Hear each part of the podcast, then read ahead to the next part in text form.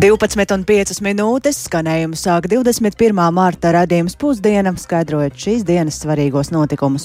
Studijā Dācis Simenoviča, esiet sveicināti! Ķīnas prezidents Sīdziņpins šodien turpina vizīti Krievijā. Apusēja laipnību paušana un neformālas sarunas Krievijas un Ķīnas prezidents starpā bija vakar. Šodien jau ir paredzēta abu līderu oficiāla tikšanās un dažādu līgumu parakstīšana. Lai uzzinātu detalizētāk par šo vizīti, esam tiešraidē sazinājušies ar kolēģi Rihārdu Plūmi. Sveiks, Rihārda! Vispirms tad kādi secinājumi pēc pirmajām sarunām vakar? Jā, nu, abi darbie draugi, eh, kā Putins un Sīvi viens otru arī raksturoja vakar, eh, tikās Kremlī pirmo reizi un jau sarokojoties un pozējot fotogrāfiem.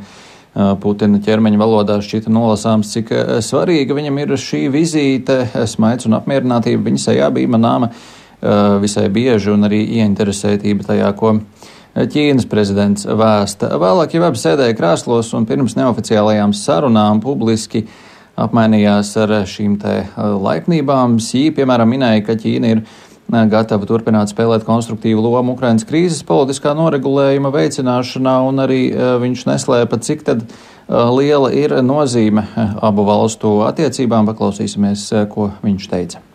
中方高度重视啊中俄关系。Ķīna piešķir lielu nozīmi Ķīnas un Krievijas attiecībām, un aiz tā slēpjas vēsturiska loģika, jo mēs esam viens otra lielākā kaimiņu valsts, kā arī strateģiskie partneri. Tas nosaka, ka mums ir ļoti ciešas attiecības vienam ar otru. Es zinu, ka nākamgad jūsu valstī būs vēl vienas prezidenta vēlēšanas. Pateicoties jūsu spēcīgajai vadībai, Krievija pēdējos gados ir panākusi ievērojamu progresu valsts labklājības sasniegšanā. Esmu pārliecināts, ka Krievu tauta jūs stingri atbalstīs jūsu labajos centienos. 总统先生坚定的支持。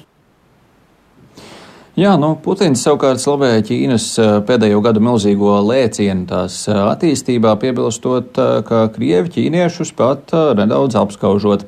Un viņš arī vakar sacīja, ka Krievija esot gatava sarunām par Ukrainu, proti par Ķīnas piedāvāto 12 punktu tādēvēto miera plānu. Rihard, kas notiek šodien vizītes otrajā dienā? Jā, nu šodien norisinās garas Maskavas un Pekinas delegācijas sarunas. Jī jau ir ticējis no rīta ar Krievijas premjeru. Abas puses parakstīs vienošanās dažādās jomās, piemēram, vienošanos par abu valstu visaptvarošas partnerības stiprināšanu un arī strateģisko attiecību ieiešanu jaunā ērā. Tāpat tiks parakstīta kopīga deklarācija par Krievijas un Ķīnas ekonomisko sadarbību līdz 2030. gadam. Eh, Rietuma un Ukraina ir izteikuši bažas par eh, Ķīnas ieroču piegādēm Krievijai. Eh, par šo tematu gan nav zināms, ka saistībā ar šo sīvē Putins varētu izteikties publiski. Tas gan, protams, neizslēdz to, ka privātās sarunās kādā brīdī šis jautājums par militāro palīdzību Krievijai vai nu varētu tikt apspriests, vai jau varbūt arī ir ticis apspriests. Sagaidāms, ka šodien Eh, tiks apspriests eh, šis Ķīnas piedāvātais 12 punktu miera plāns, ko jau pieminēju. Eh, te jāatgādina, ka šis plāns ticis asi kritizēts no rietumu un Ukrainas puses, jo tas būtībā ir prokrievisks un izdevīgs tikai vienai pusē - Krievijai. Kijeva arī vakar vēstīja, ka sagaida, ka Sī izmantos Pekinas ietekmi, lai um, panāktu Maskavas ofensīvas izbeigšanu Ukrainā. Ir grūti pateikt, cik lielā mērā Ķīna var piespiest Putinu sēsties pie sarunu galda, bet nu, katrā ziņā šķiet, ka Ķīna šobrīd ir vienīgā, kas to vispār varētu spēt. Un, nu, jāmin arī tas, ka Krievija karā Ukrainā izjūt ar vien lielāku spiedienu. Tā izjūt ar vien lielāku spiedienu ne tikai kara laukā, kur tai nesakmējas ne tūlīt tā, kā tā bija plānojusi.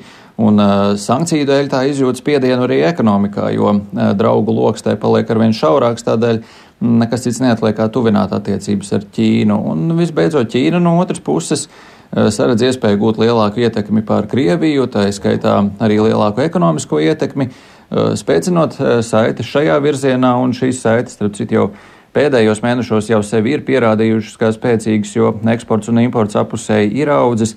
Un, protams, Ķīna meklē un jūt un saredz arī iespēju vairot savu tēlu un politisko varu arī globāli, globālajā arēnā. Dace? Paldies tev, tik tālu Rihards Plūme, un raudzīsim, kā šīs sarunas ievirzīsies, tā skaitā, kā tas varētu skārt Ukrainu. Tikmēr Kīvā šodien negaidītā vizītē ir ieradies Japānas premjers Fumio Kishida, un šī ir pirmā reize, kad kopš otrā pasaules kara kāds no Japānas premjerministriem apmeklē valsti vai teritoriju, kurā norisinās kara darbība. Tikmēr Krievijas anektētajā Krīmas pussalā vakar vakarā atskanēja virkne spēcīgu sprādzienu. Vietējie telegramu kanāli vēsta, ka tie nākuši no Džankojas pilsētas esošā militārā lidlauka teritorijas. Izskanējusi versija, ka tas saistīts ar Ukrainas dronu īstenot uzbrukumu lidlauka teritorijai un esot iznīcinātas Krievijas raķetes kalibri. Vairāk par situāciju Ukrainā stāsta Rustams Šukūros.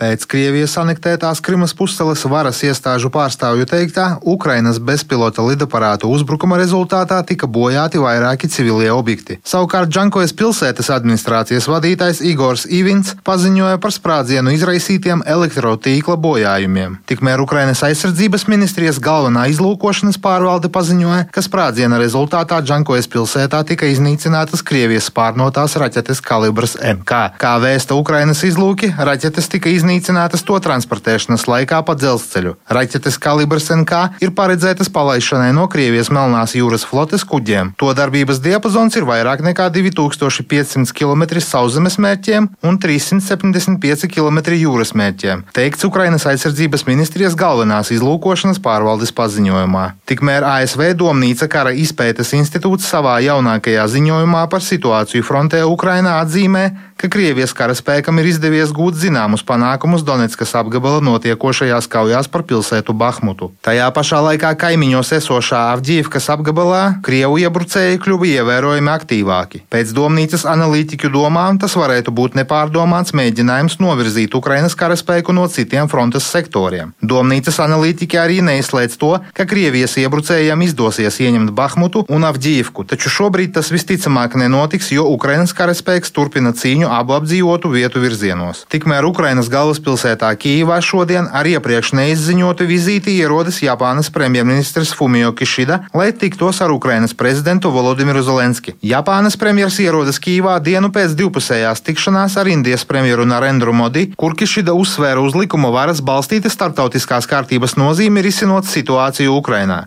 Modijas šo tonu aidā dēļ. Es paskaidroju Modī Japānas nostāju attiecībā uz situāciju Ukrainā. Abi līderi apstiprināja, ka Japānai un Indijai ir kopīga atbildība par starptautiskās kārtības, kuras pamatā ir tiesiskums, uzturēšanu un nostiprināšanu. Kopš otrā pasaules kara beigām neviens no Japānas premjerministriem nav apmeklējis valsti vai teritoriju, kurā norisinās kara darbība. Paredzams, ka Kišida apliecinās Zelenskim Japānas nostāju panākt starptautisku vienotību ar mērķi noteikt vēl stingrākas sankcijas pret Krieviju. Rustam Šukurovs, Latvijas Rādio. Tieši šobrīd Rīgas Latviešu biedrības namā pulcējušies Latvijas politiski represēto apvienības biedri. Tradicionālie piemiņas pasākumi gan ir paredzēti sēsdien atceroties 49. gada 25. martā Baltijas valstīs sākto deportācijas akciju Krasta Banga, kuras laikā Padomju Savienības vadība mūža nometinājumā uz Sibīriju izsūtīja vairāk nekā 42 tūkstošus Latvijas iedzīvotāju. Un šodienas konferencē seko līdzi kolēģe Sintijām Bote, ar kuru esam šobrīd sazinājušies. Sveika, Sintija! Cik kupli apmeklēta ir konference un eh, par ko tajā spriež? Sveika, Dārts! Sveicināti klausītāji! Šeit Rīgas Latviešu biedrības namā lielajā zālē politiski represēto apvienības pavasara konferencē piedalās ap 230 delegāti no visas Latvijas, bet eh, kopumā biedrība pārstāv desmit tūkstošus vēl dzīvos politiski represētos Latvijā. Pat labāk notiek biedru debates, bet eh, konference atklāja ar valsts hīmnu, kuras laikā dalībnieki stāvot kājās, eh, dalībniekiem stāvot kājās ienesa represēto karogu un vadība teica arī uzrunas. Biedrības priekšsēdētājs Ivars Kaļķis norāda, ka deportāciju piemiņa jau aizvadītajā gadā kļuva arī īpaši aktuālā Krievijas izvērstā eh, kara Ukrainā dēļ. Eh, tāpat represēto organizācijas vadītājs vēl pirms konferences sākuma man iezīmē šo vēstures notikumu piemiņas būtiskumu arī jaunās paudzes lokā un varam paklausīties mazliet viņa teikto. Bet gribētos tiešām, lai viņi izprastu to kā ir gājis viņu vecākiem, viņu vecvecākiem. Un, un tādēļ saprast, tā būtu labāk to, kā ir arī tagad Ukraiņiem. ir kaut kāds priekšstats, kādēļ tā. Tur ir varbūt vēstures, mācību skolās kaut kā jāpārskata, lai tas būtu. Aktīvi. Varētu būt arī vēstures skolā, varbūt arī kaut kur. Kā mēdz būt, kad ejot laikiem, tas rēts sāk sadzīt. Jā. Un varbūt arī ne katrā ģimenē to visu to uztver. Jā. Jo, teiksim, padomu laikā bija laiks, kad mēs vispār baidījāmies runāt atklāti par to, ka mēs esam bijuši izsūtīti, ka mums ir tāds liktenis bijis. Mēs tikai atklāti varējām to darīt mūsu jau brīvā, neatkarīgā Latvijā. Nu jā, un tāpat aprunājos ar vairākiem sanākušajiem, un, protams, lielākoties tie ir bērnībā izsūtītie vai Sibīrijā dzimušie, represētie, kuru vecāki tad arī ir deportēti. Šie cilvēki saka, ka ģimenē pārdzīvoto nav iespējams aizmirst, bet arī iedzīvotājs, kas nav personiski saskārušies ar šiem stāstiem, aicina šajā laikā izprast gan 1941. Eh, gan 1949. gada notikumus un sekas, jo tie ir tūkstošiem upuru un šķirtu ģimeņu padomju varas īstenoto represiju dēļ. Varam paklausīties. Nu, es vairāk domāju par saviem vecākiem, par to, ko viņi ir pārdzīvojuši kā mamma saka, divu stundu laikā savākt mantas. Pirmkārt, tev ir uztraukums, stress, tev ir tev stāv četri krievu zaldātiņi. Viņi saka, un, un, un var sakot, lai tu krāmē mantas. Emocionāli jau tas, ko tu ņemsi un ko tu neņemsi līdzi. Nezinu arī, jā, dosies, jā, protams. Nē, nē, nu mamma saka, viņai teica, ka uz mūžu tas viss ir. Kurā jūs pārbraucāt gadā? 56. gadā man bija tikai trīs gadiņas. Esmu dzimusi Omskas apgabalā, tieši Čirtišas upes krastā. Tas saka, mūžīgs miers. Izvestamies bijām no Varakļānu puses. Kurā gadā jūs atgriezāties? Mēs 57. Jā. Kas saka, tiesēt brīvība, tici pats sevi, nedari pāri citiem. Es esmu dzimis polārā lokā, Nareļska duģinka. Nu, mums jāzina, ka mēs dzīvojam tam blakus tam lācim kas jau mūs jau vienreiz, un mūs jau otrreiz, un tagad viņš ir visai Eiropai pašlaik ir naidnieks. Mums jābūt uzmanīgiem ar tādiem. Tad diena jāpiemina, lai nākošais paudzes zinātu vairāk eh, par mūsu kaimiņu. Nu jā, un runājot par, par piemiņu, pieminot 25. 25. marta deportāciju Rīgā, sestdien, 2012. represētie pulcēsies pie brīvības pieminekļa un dosies uz strelnieku laukumu, kur pie padomju komunistiskā režīma upuru piemiņas memoriāla notiks atceres ceremonija ar uzrunām un ziedu nolikšanu. Dace? Paldies eh, Sintijai Amvotai par ieskatu politiski represēto apvienības konferencē, kas tieši šobrīd notiek Rīgā, un tātad galvenie atceres pasākumi paredzētu šo sestdien, 25. martā. Bet, lai aizsargātu meža audzes un pasargātu tās no mizgraužu postījumiem, vairākās Latvijas pašvaldībās šodien izsludinās ārkārtas situācija. Pagājušā gadā novērota ļoti augsta mizgrauža lidošanas aktivitāte, un tā vismaz liecina Latvijas valsts meža zinātnes institūta Silava dati. Savukārt šogad ir prognozēts, ka mizgraužu savērošanās pieaugs, līdz ar to arī gaidāma masveida ēgļu mežaudžu bojāja vidzemes reģionā, kā arī ievērojami palielināsies ēgļu mežaudžu apdraudējums Kurzemes, Zemgales un Latgales reģionā. Turpin Latvijas valsts meža, meža aizsardzības un ugunsdzēsības vadītājs Ēdijs Leišavnieks. Šobrīd ir aktīvais laiks, kad mēs mežā varam redzēt pagājušā gada izgraužu otrās paaudzes bojājumus, tātad kalstošās egles. Kā rezultātā, nu, plānojam šobrīd sakopšanas, jeb ierobežošanas pasākumus, veidojot sanitārās cirtas un šos te bojātos kokus nozāģējot un izvedot. Un izgrauzes, jeb izgraužu bojājumi praktiski ir visā Latvijas teritorijā, kurzemes pusē pusē tas īpatsvars ir mazāks, protams, bet nu, vislielākā, jeb, jāsaka tā, viss tā apdraudētākā teritorija ir Latgauts vidzemes reģioni, kur tad arī pagājušā gada izgraužu monitoringa rezultāti parādīja vislielāko bojājumu īpatsvaru. Un tātad plašāk par to, kurās pašvaldībās ir ieviesta ārkārtas situācija un kā tas ietekmēs mēža apsaimniekotājs un arī pašus iedzīvotājs, to stāstīsim programmā pēcpusdiena. Jau rīt pasniegus Latvijā redzēsim jaunās automašīnās. Latvijas pasts ir iegādājies 340 jaunus dabai saudzīgus automobīļus, vērienīgi papildinot autoparku. Un Latvijas pasta valdes priekšsēdētājs Mārcis Vilcāns Latvijas radio programmā Labrīt šorīt uzsvēra, ka tas palīdzēs vieglāk organizēt darbu, arī nodrošināt pakalpojumu nepārtrauktību un augstāku kvalitāti. Automašīnas, protams, ir svarīgs rīks pasniekiem, bet cik konkurētspējīgs ir pasnieku atalgojums, to paklausīsimies Vilcāna teiktajā kolēģiem Dairai Zīlē un Artais Kujai. Piekritīšu tam, ka viņš joprojām ir nepietiekams. Mēs esam um, vairākās um, amata kategorijās zem tirgus mediānas, un, un mēs tam rūpīgi arī sekojam līdzi. Bet uh, tieši pasniekiem un pasnodaļu operatoriem mēs cenšamies rast papildus finansējumu šogad no 1. janvāra. Mēs arī faktiski visiem darbiniekiem, tie, kas saņēma līdz šim līdz 1000 eiro, paaugstinājām darba algas.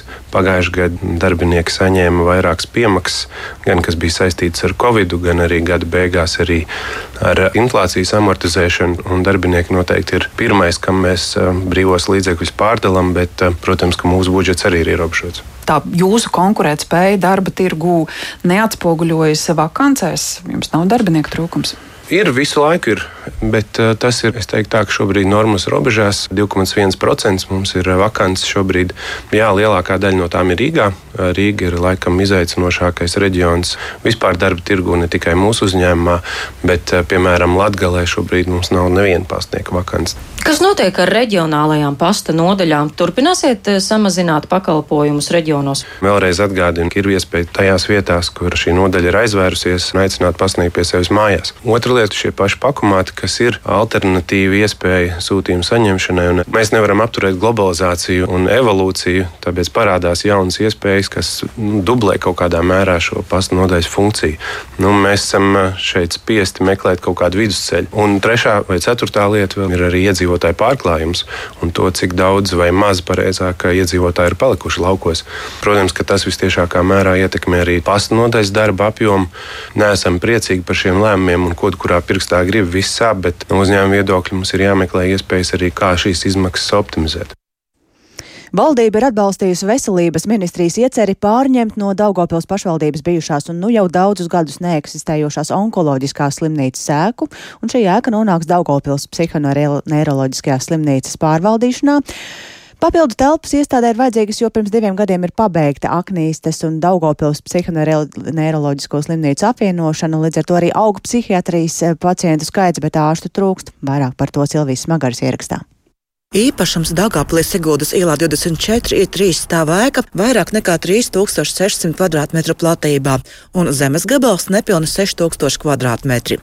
Savulaik šajā ēkā bija izvietota Dāngāpils onkoloģiskā slimnīca. Tagad tā ir Dāngāpils psihoneiroloģiskā slimnīcas pārziņā, izrāda slimnīcas vadītājs Armīte Čikuste. Mēs to žogu vienkārši nojauksim un uztaisīsim apkārt tādā veidā žogu. Līdz ar to mēs vienkārši palielinām teritoriju. Un tepat tās viss ir uz vietas visiem, tāpēc uz viņu arī skatījāmies uz to onkoloģijas sēku. Jā, tagad arī aknīstes struktūra klāta. Pievienot aknīstes slimnīcu Dāngāpulī bija veselības ministrijas iniciatīvas stāstus ar Mīte Čiekuste. Šobrīd aknīstē atrodas 350 pacienti. Un apmēram trešdaļa ir tāda profila psihiatriskie pacienti, kuriem būtu nepieciešama ilgstošāka un biežāka ārsta uzraudzība un 24 stundu ārsta uzraudzība. Mēs eh, ar Dāngāpils resursiem varēsim palīdzēt, uzlabot šo garīgās veselības aprūpes kvalitāti, jo nevienam nav noslēpums, ka, protams, ir psihiatru ārstu trūkums. Ārsta trūkums sekmē optimizāciju, atzīst Sarmīti Čikusta, neslēpjot,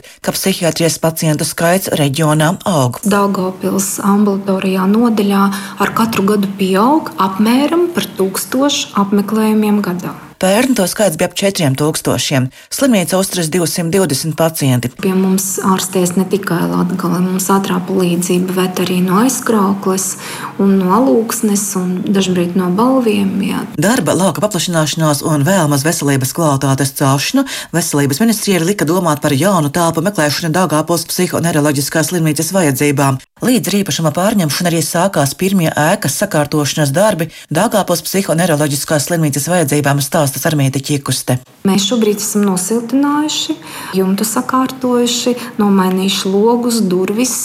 Mums tagad tikai iekšējais, bet tur ir diezgan labā stāvoklī, bet vienalga ventilāciju vajag, jaunu apgaismojumu vajag.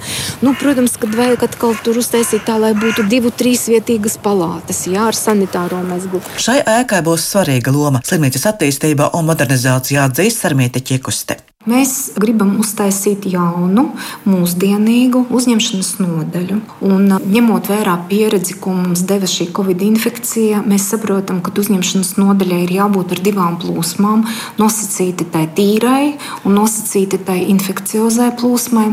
Ir ārkārtīgi svarīgi paredzēt observācijas gultu lielāku skaitu nekā mums pašreiz ir. Tur mēs aprīkosim, protams, arī akūtās psihiatriskā profila nodaļas un pārvedīsim akūtās akūtākās nodaļas uz to ēku. Jaunā ēka pēc tās iekštelpu pielāgošanas psihiatrijas pacienta vajadzībām varētu izmaksāt vairākus miljonus eiro un funkcionāli sāk darboties dažu tuvāko gadu laikā. Silvija Smagre, Latvijas radio studijā Latvijā. Daugopelī slimnīcas attīstības darbi tātad šobrīd turpinās, bet daudz darāmā šobrīd vēl kādā citā jomā. Rīgā trešdaļa ielu esot sliktā stāvoklī, un lai problēmu mazinātu, pašvaldība šogad plāno veltīt vismaz 20 miljonus eiro, proti divreiz vairāk nekā pērn. Par Rīgas domas plāniem vairāk gatavs stāstīt kolēģis Viktors Demīdovs, kurš pievienojas studijās. Sveiks, Viktor! Kā galvaspilsētas ielas grasās atjaunot? Jā, labdien! Rīgā asfaltēto ceļu stāvokli šogad ir pārbaudījuši izmantojot jaunu tehnoloģiju precīzāk brauktuves skenēja un noskaidrojies, ka no aptuveni 1000 km trešā daļa ir sliktā vai pat kritiski sliktā stāvoklī. Tas nozīmē, ka vismaz 300 km garumā pilsētā uz ceļiem ir bedres, brauktuves iespējams ir izdangātas, tās drūp un tā tālāk. Un par satiksmi atbildīgais Rīgas vicemērs Vilnis Čirsis no jaunās vienotības šorīt raidījumā labrīt teica, ka kvalitatīva asfalta sega var kalpot desmit gadus, bet pilsētā atsevišķās vietās situācija ir pat dramatiska. Un tad lūdzu paklausīsimies viņa teikto. Problēma ir tāda, ka ir daudzas Rīgas ielas, kurām 15, 20, varbūt pat 30 gadu šis segums nav mainīts. Loģiski, ka nu, jebkura lieta, kur tiek lietot ilgāk nekā viņa paredzēts laiks, viņa vienkārši sabojās. Tas pats notiek ar Rīgas segumu. Kas ir jādara, kā to var izsanāt? Nu, vienkārši reizes desmit gados šī asfalta sega ir jānofrēzē nost vai jānoņem un jāuzklāja tā vietā jauna sēde. Nu, lūk, mēs esam izstrādājuši plānu, kā šādā veidā iet uz priekšu, un tas um, apjoms, ko mēs uh, rēķinām, jābūt nu, faktiski 10% no Rīgas ielām katru gadu būtu šādā veidā jāapstrādā. Un, lai pilsētā ceļu stāvoklis būtu kvalitatīvs, pašvaldībai ik gadu no sava budžeta būtu jāvelta 45 miljoni eiro. Un tad mazai atkāpēji doma minēja, ka pērn minēja, ka ceļu uzturēšanai nepieciešami 40 miljoni eiro nu, tieši ceļu remontiem, bet tagad jau par 5 miljoniem vairāk. Bet jebkurā gadījumā tas ir aptuveni tikpat daudz, cik izmaksājas sarkandaugos pārvads pār dzelzceļa līniju Rīgas kulta, ko pašvaldība būvējusi pāris gadus un jau tuvākajā laikā plānojot atklāt. Un tik liela summa, tātad tie 45 miljoni katru gadu būtu jāvelta ceļu remontiem, taču tagad tik liels summas pašvaldība nevar atļauties. Ja vēl uh, bijušā mēra Nila Ušakova no saskaņas laikā doma ielu remontiem esot veltījusi 1 miljonu eiro, tad pārmaiņu koalīcijas summa ir kāpinājusi 21. gadā 5 miljonu eiro, pērn asfaltēto ielu uzturēšanai 10 miljoni, bet šogad jau 20 vai pat 22 miljonus eiro pašvaldība no sava maka gatava upurēt ceļiem, un, kā norāda ķirsis, tad nepieciešamos 45 miljonus eiro pašvaldība varētu sākt veltīt piecu gadu laikā. Tas par naudu naudu, bet kā tad ar konkrētām ielām, kādi ir plāni pašvaldībai? Jā, un šeit es teiktu, ka tā rožainība kļūst blāvāka un līdzīgi kā pagājušajā gadā vietvara izvairās saukt konkrētas vietas, kuras šogad remontējas. Pērn pēc vairākiem mēģinājumiem man to izdevās noskaidrot vien vasarā, kad būvniecības sezona jau plauka. Šorīt ķirsis uz kolēģis Artes Kujas jautājumu nevarēja nosaukt, kur tad tie darbi notiks, vien sakot, ka katrā ielā ir savi posmi. Tā kā rīdziniekiem un pilsētas viesiem tā ir mīkla, es teiktu. Vien piebildīšu, ka, piemēram, 2016. gadā Ušakova laikā tā tad uh, bija zināms, uh, ka tie plānotie būtiskākie remonti bija jau nosaukti martā, bet 18. gadā tā informācija izskanēja vēlāk, proti, maijā aptuveni. Paldies Viktoram Damīdovam tik tālu par Rīgas ielām, un tad raudzīsim, kur varēsim uh, redzēt salabotas tās, bet ar to arī izskan raidījums pusdiena. Producenti Ilze Agīnta ierakstus montēja Uldis Grīnbergs par labskaņu rūpējās Kārlis Rašmanis un ar jums sarunājās Dācis Semenoviča. Radījums pusdienu un arī pēcpusdiena, tāpat kā ierasts raidierakstu platformās, un arī esam atrodami sociālajos tīklos.